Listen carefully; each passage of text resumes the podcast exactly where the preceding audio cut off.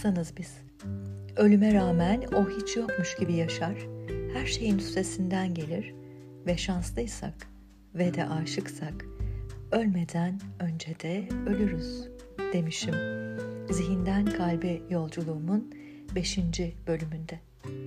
Sanıyorum kitabımın en sevdiğim ve kitaba da adını veren bölüme geldik bile. Zihinden kalbe. Mutlu insanın hikayesi olmaz demiş Umberto Eco. İlk duyduğumda içimin cız ettiğini hatırlıyorum. O zaman kendi kendime hiçbirimiz mutlu değiliz demek ki demiştim. Çünkü hepimizin bir sürü hikayesi var anlatacak. Olanı anlatmak, düşündüklerimizi anlatmak, yaşadıklarımızı anlatmak, hayal ettiklerimizi anlatmak, durmadan anlatmak. Ne çok anlatacak şey var.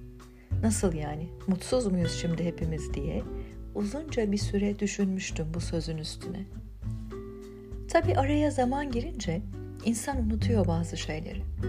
Çok düşünmüş olsan da etkilendiğin sözlerin, kitapların, sohbetlerin, hatta filmlerin üzerine bir süre sonra gündelik hayatın akışı içinde yok olup gidiyor farkındalıklar.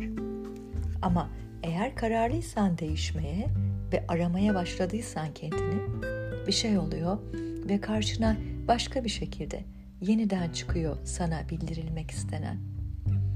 İşte ben de öylece unutmuşken Umberto Eco'nun sözlerini başka bir yerde, başka bir şekilde bu defa Yunus Emre ve Şeyhi Tapduk Emre'nin bir diyaloğu ile yakaladı hayat beni. Yunus Emre şeyhine olanları anlatıyordu. Üstelik de yorumsuz ve son derece edepli bir şekilde.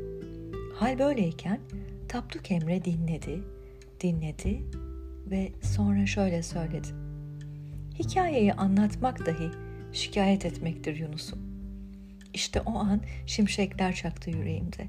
Birden hatırladım mutlu insanın hikayesi olmayacağını ve ne çok konuştuğumu fark ettim. Ne çok anlatmaya ihtiyacım olduğunu ve tüm bunların arasında aslında anlaşılmak, haklı olmak gibi bir derdim olduğunu da. Belki de yaşadığım en büyük farkındalıklardan biriydi bu. Yaşamıma değen bir sihirdi ve anlamasaydım kim bilir kaç kere daha, kaç farklı şekilde çıkacaktı karşıma. Oysa ne diyordu Hazreti Mevlana? Gönlünde kelimelere ihtiyaç duymayan bir ses var. Dinle. Eğer bir şey arıyorsan sessizlikte bulmak çok daha kolaydır. Hiç ses olmadığında duyulması gereken o ses duyulur sadece. Ve o ses genellikle şöyle seslenir. Hayatın değil, kendi merkezinde ol. Ben kırklı yaşlarımla birlikte başladım. Her şeyi fazla kafama takmamaya, hayatı daha güzel görmeye ve her ne kadar her şeyin bizimle ilgili olduğunu öğrensem de yine de her şeyi üstüme alınmamaya. İnsanı mutsuz eden veya egosunu şişiren bir şey bu her şeyi üstüne alınma olayı. Dünya bizim etrafımızda dönmüyor.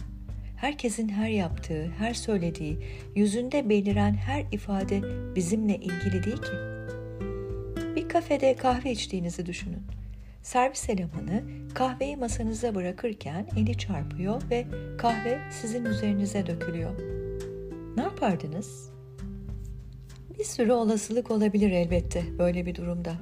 Kızıp garsona güzel bir fırça çekmek, eyvah yandım diye bağırmak ve tüm bu ani tepkilerin neticesinde de bizi besleyecek duygu durumuna geçerek ne kadar şanssız biri olduğumuzu düşünüp söylenip durmak. Sanıyorum pek çok tepkiyi aslında sadece söylenip durma zevki için veriyoruz. Kaç kişi önemli değil, sadece bir kaza diyebilir ya da hiç tepki göstermeden peçete getirebilir misin lütfen diye sorabilir. Düşünsenize, belki yaptığı karşısında kalbi küt küt çarpan bu eleman gece hiç uyumamıştı. Hasta olabilir, hastası olabilir. Gece ders çalışıyor ya da başka bir işte daha çalışıyor olabilir vesaire vesaire.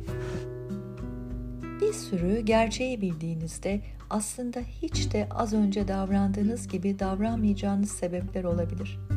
Oysa siz olayı kişiselleştirip bunun size karşı yapılmış bir davranış olduğuna kendinizi inandırırsanız inanın ne siz mutlu olursunuz ne de karşınızdaki. Çocuğunuz okuldan geldi. Eh biraz da ergen, canı sıkkın. Tam siz onu öpecekken şöyle sizi hafifçe itti ve odasına kaçtı. Oluyor böyle şeyler arada biliyorum. Şimdi bu durumda büyüdü ve giderek bana olan sevgisi, ilgisi azalıyor diye düşünebilirsiniz. Veya başka bir örnek, yetişkin ve artık sizinle yaşamayan bir çocuğunuz var. Neredeyse 10 gündür sizi aramıyor. Görüyor musun unuttu beni gibi benzer bir düşünceye sahip olabilirsiniz. Ve tüm bunların neticesinde karalar bağlayan bir anne olabilirsiniz. Mutsuz olup içten içe kendinizi yer bitirir ve çocuğunuza da ilk fırsatta sistem eder, onu da bir güzel üzersiniz. Ya da okuldan gelen çocuğumuzun biraz dinlenmesi için ona bir süre verir, yanına gider, hiçbir şey olmamış gibi ona tekrar sarılmayı deneyebiliriz. Aramadığı için bizi unuttuğunu düşündüğümüz çocuğumuzu biz arayabilir, onu merak ettiğimizi ve özlediğimizi söyleyebiliriz. Bunların sonunda da büyük ihtimalle düşündüğümüz ve hissettiğimizin tersine durumun hiç de bizimle ilgili olmadığını görürüz. Bizi sevmediğini düşündüğümüz gencin yalnız kalmaya veya her koşulda onu sevdiğimizi hissetmeye ihtiyacı olduğunu, bizi unuttuğunu düşündüğümüz yetişkinin bizi arayamayacak kadar sıkıntıda ve bize ne kadar ihtiyacı olduğunu fark edebiliriz. Aslına bakarsanız bunlar her an, her gün yaşadığımız durumlar. Kendi kendimize yaptığımız çıkarımlar ve kaprisler bizi üzmekten, içimizi sıkmaktan başka bir işe yaramıyor. Oysa biraz dünyanın bizim etrafımızda döndüğü fikrinden uzaklaşsak, bizi kızdıran veya üzen her durumun bizimle ilgili olmama ihtimalini de göz önünde bulundursak ve ne yapacağımıza öyle karar versek. Bizi arayan sevdiklerimizi merak edip bir günde biz arasak hayat çok daha kolay olmaz mıydı? Kim bilir gereksiz kapris ve endişelerle ne ilişkiler bozulmuştur. Ve yine kim bilir kaç ilişki anlayış, hoşgörü ve sıcak bir gülümsemeyle can bulup kurtulmuştur. Deneyimlerimden çıkarım yapmaya, yaşadıklarımın birer öğretmen olduğunu, ancak 40 yaşından sonra bir bakıma yoga ile tanıştıktan sonra ikna oldum. Benim için bir dönüm noktasıydı hayatı daha çok sevmeye başladım. Ön yargılarımı, her şeyi kontrol etme ihtiyacımı, endişelerimi geride bırakmıştım sanki. Kimileri her ne kadar bencillik olduğunu düşünse de, evet, merkeze hep kendimi koydum. Kırkımdan önce de sonra da. Ama arada bir fark vardı. Önceleri hayatın merkezindeydim ve dünya benim etrafımda dönüyordu. Her şey benden sebepti ve niyeyse ben genellikle beklentilerim karşılanmadığı için mutsuzdum. Oysa şimdilerde kendi merkezimdeyim ve kimse etrafımda dönmüyor. Ben bulunduğum noktadan her şeyi ve herkesi izliyorum. Öğreniyorum ve seyirci olmanın keyfini çıkarıyorum. Hiçbir şey benden sebep değil. Beklentisizim, mutluyum, huzurluyum.'' hayatın merkezinde değilim. Sadece kendi merkezimde ve dengedeyim. Peki, şimdi sana sen de gerçekten bunu istiyor musun diye sorsam, istisnasız hepimizin kendimizle ilgili memnun olmadığımız, olmasını veya değişmesini istediğimiz pek çok şey var hayatımızda. Ve de bunların değişmesi için hepimizin değil, ama birçoğumuzun yaptığı bir sürü farklı şey, denediği yöntemler de var. Sadece bu durumu göz önüne alarak insanlara birkaç gruba ayırmak mümkün sanıyorum. Birincisi, ne olursa olsun değişmek için hiçbir çaba sarf etmeyen ve ne kadar şikayetçi olursa olsun yaşamına aynen devam eden insanlar. İkincisi, değişmeyi çok isteyen ama kendince çaba sarf edecek gücü ve zamanı olmadığını söyleyen insanlar.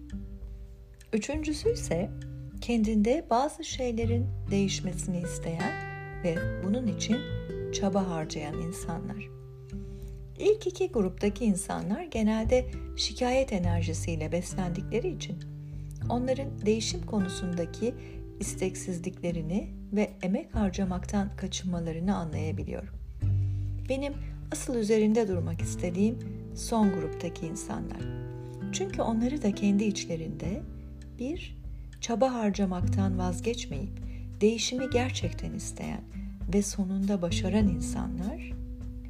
İki, çaba harcama konusunda hiç de fena olmayan, değişim adına bir şeyler yapan ama neticede değişimi bir türlü gerçekleştiremeyen insanlar diye ikiye ayırıyorum. Bu iki insan grubu aynı amaçla aynı yöntemleri deneseler de sonuç değişmiyor. Neden biliyor musunuz? Evet, sorun şu ki gerçekten istiyor mu? Bunun en kolay şu örnekle açıklanabileceğini düşünüyorum. Sigarayı bırakmak isteyen iki kişi düşünelim. İkisi de aynı yöntemi denediler. Sonunda biri bıraktı, diğeri ya bırakamadı ya da bıraktı ama kısa bir süre sonra tekrar başladı. Niye? Tek bir sebebi var. Birisi bunu gerçekten tüm kalbiyle istiyordu ve başardı. Yöntem onun için çok da önemli değildi. Bu değişimi gerçekten istediği için zaten her şekilde başaracaktı. Diğeri büyük ihtimalle ya gerçekten işe yarayıp yaramayacağını merak ettiği için ya birileri yaptı ben niye yapamayayım diye ya da bir de bunu deneyelim bakalım diye aynı yönteme başvurmuştu. Sonuçta başaramadı. Ya da kısa bir süreliğine oldu zannederek büyük bir hızla eskiye döndü. Çünkü kalpten gelen bir istek yoktu değişime karşı. Değişimi kucaklayacak ve sonrasında ne olacak, nasıl biri olacak bilmediği için cesareti de yoktu aslında. Neden bu örneği verdim biliyor musunuz? Çünkü bunu yaşamış olan biriyim. Yıllarca bıraktım, tekrar başladım. Bir sürü şey denedim. Yine eskiye döndüm. Çünkü bırakmak falan istemiyordum. Sadece deniyordum. Ama sonucunun aynı olacağını içten içe biliyordum. Sonra bir gün bir de baktım ki verdi. Herhangi bir yöntem olmadan, kendiliğinden, çabasız, acısız bir çırpıda. Neden biliyor musunuz? Çünkü gerçekten çok istedim. Tüm kalbimle istedim ve oldu. İşte bana göre bu değiştirmek istediğimiz her şey için geçerli. Yani ben böyleyim, ben şöyleyim, bana hep bu oluyor, hep aynı şeyleri yaşıyorum, vaktim yok gibi saymakla bitmeyecek bir sürü şeyden şikayetçiyiz. Kabulünse bunlar ve sana rahatsızlık vermediğini düşünüyorsan ve şikayet etmiyorsan eyvallah öyle kalabilirsin. Kime ne? Ama rahatsızsan, acı çekiyorsan, mutsuzsan ve bazı şeyleri düzeltmen, değiştirmen, bırakman ya da güçlendirmen gerekiyorsa olmuyor diye bir şey olamaz bence. Olmuyorsa gerçekten istemiyorsun demektir. Olmuyorsa bilmediğin bir alana girmektense bildiğin yerde debelenip durmayı tercih ediyorsun demektir. Olmuyorsa sen oldurmuyorsun demektir. Ve sorun şu ki gerçekten istiyor muyum diye henüz kendine sormamışsın demektir. Şimdi değişmesini, dönüşmesini istediğin şeyleri tekrar düşün ve sor kendine. Gerçekten istiyor muyum? Ve bir sonraki hafta zihinden kalbe yolculuğumuza kaldığımız yerden devam edene kadar hoşça kal, sevgide ve aşkla kal.